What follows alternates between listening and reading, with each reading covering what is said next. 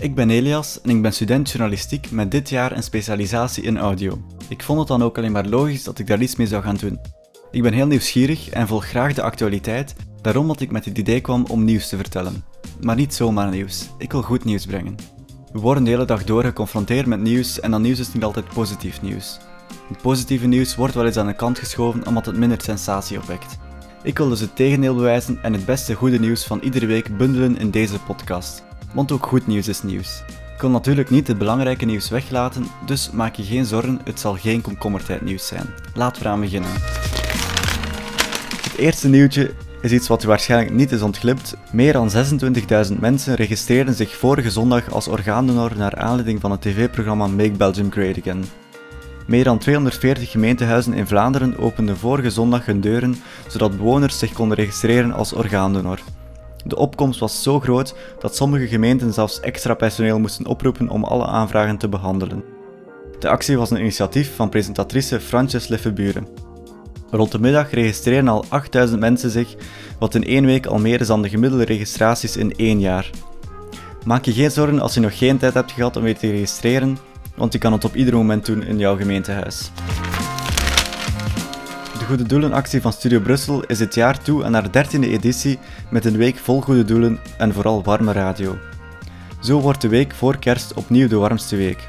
De warmste week vindt plaats in de week voor kerst van 18 tot 24 december. En om je even te herinneren waarom je zou moeten luisteren, kon je dit horen begin deze maand. Goedemorgen en welkom. De warmste week van Music for Life die komt terug. Dat wist je al. Van 18 tot en met 24 december gaat de warmste week opnieuw door in het prachtige, groene en vooral warme Wachtebeke. Neem nu Veronique. Die had vorig jaar ook een Music for Life actie. Dat was meteen ook een van de meest intense momenten van de warmste week. Onze zoon is inderdaad begin dit jaar overleden. Uh, een ongeluk.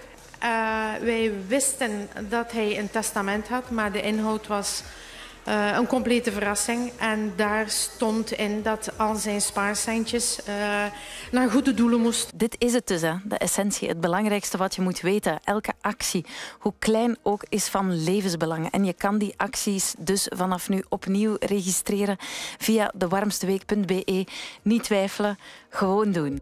Niet alleen wij organiseren een goede doelactie, maar ook onze Noorderburen doen dit. Radiozender 3FM van de Nederlandse publieke omroep wordt ook dit jaar solidair voor maar liefst drie acties in zowel binnen- als buitenland. En ze doen het ook dit jaar een beetje anders dan voorgaande jaren, want dit jaar komt er geen glazen huis meer in de Nederlandse stad, maar zal er dus zoals bij ons een festival worden georganiseerd in het hart van Utrecht. Daarbij zullen drie DJ-teams het land doorkruisen en goede doelen door bezoeken en aanmoedigen die in het hele land door luisteraars worden georganiseerd. De Goede Doelenactie van 3FM bestaat ondertussen al 14 jaar en zat in 2012 op een hoogtepunt met maar liefst 14 miljoen euro als eindbedrag. Vanaf dan ging het jammer genoeg naar beneden. Vorig jaar was het eindbedrag nog maar 5 miljoen euro aan alle mooie liedjes komt een einde, dus ook dit jaar pakt 3FM het anders aan. Dit is de reclamespot voor 3FM Serious Request. Kerst brengt 3FM Nederland weer bij elkaar met 3FM Serious Request. Maar dan net even anders. Dit is 3FM Serious Request. De Lifeline. Drie doelen in zowel binnen- als buitenland. En drie DJ-teams die gedropt worden in het hele land en 24-7 van actie naar actie lopen. Zij vormen samen met de actievoerders de Lifeline naar de thuisbasis in Tivoli-Vredenburg, waar de hele week een festival wordt georganiseerd. Kom nu in actie. Organiseer een evenement en maak jouw actie, dorp of stad, onderdeel van de Lifeline. Meld je actie nu aan via 3fm.nl slash seriousrequest. 3FM Serious Request. The Lifeline. En dan nieuws over VTM. En dat heeft alles te maken met het 30-jarige bestaan van VTM. Volgend jaar wordt VTM namelijk in februari 30 jaar. En ze zullen daarom een speciale programmatie inlassen met programma's van vroeger. Eén programma dat terugkomt, zul je wel herkennen aan de volgende begintune.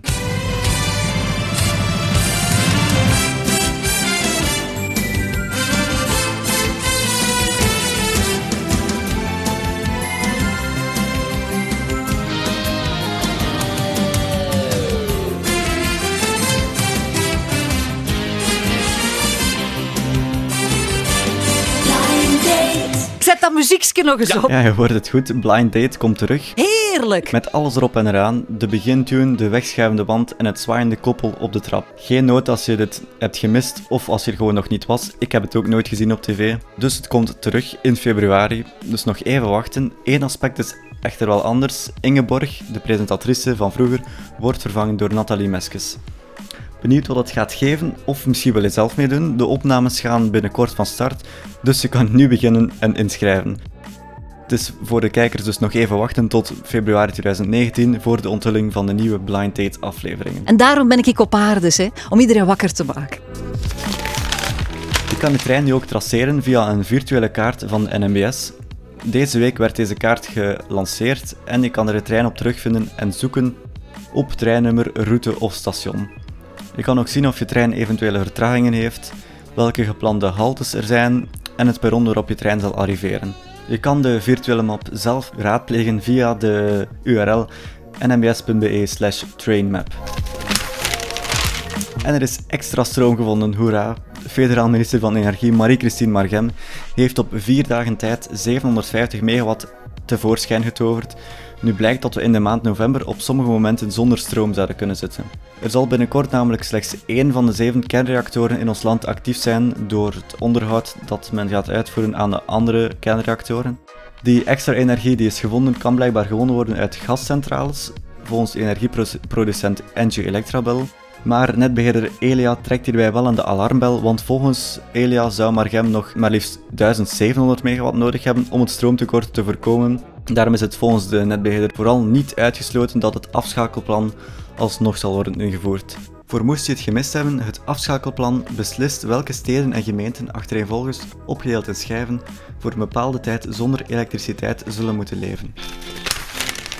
En dan zijn we aan het laatste nieuwtje gekomen. Albert Heijn lanceert in een van haar Nederlandse supermarkten een prikkelarm uur.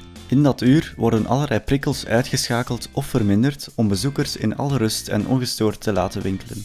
Dit houdt in dat de verlichting wordt aangepast, er is geen achtergrondmuziek, de winkelmedewerkers zullen de rekken niet aanvullen en geen onnodige vragen stellen aan de kassas. En de onnodige geluiden zoals gepiep aan de kassas zal u ook niet kunnen horen. De winkel in het Nederlandse Sint-Michielsgestel is hiermee gestart omdat er volgens de assistent bedrijfsleider veel mensen met autisme komen winkelen. Het idee is afgeleid van een gelijkaardig initiatief in Groot-Brittannië. En niet alleen mensen met autisme zijn voorstander, maar ook mensen met angstklachten of een burn-out zijn positief over het concept. Ik denk ook dat ja, mensen zonder een burn-out of angstklachten of autisme wel eens baat zouden kunnen hebben bij een, um, een prikkelarmuur in een supermarkt. Dus benieuwd of het ook bij ons komt. Goed, dan is dat het voor uh, ja, mijn goed nieuws show voor deze week. Ik hoop dat je iets aan hebt gehad. En moest je nog met vragen, opmerkingen of andere gevoelens zitten die je wilt delen met mij, houd je dan vooral niet in en laat ze ergens achter waar je dit ook hoort. Zo ga ik dus proberen om het beste goede nieuws van iedere week samen te bundelen in een podcast, genaamd de Goed Nieuws Show dus. En waarschijnlijk horen mij volgende week opnieuw, maar dan hopelijk vroeger, misschien op vrijdag. Dus tot dan.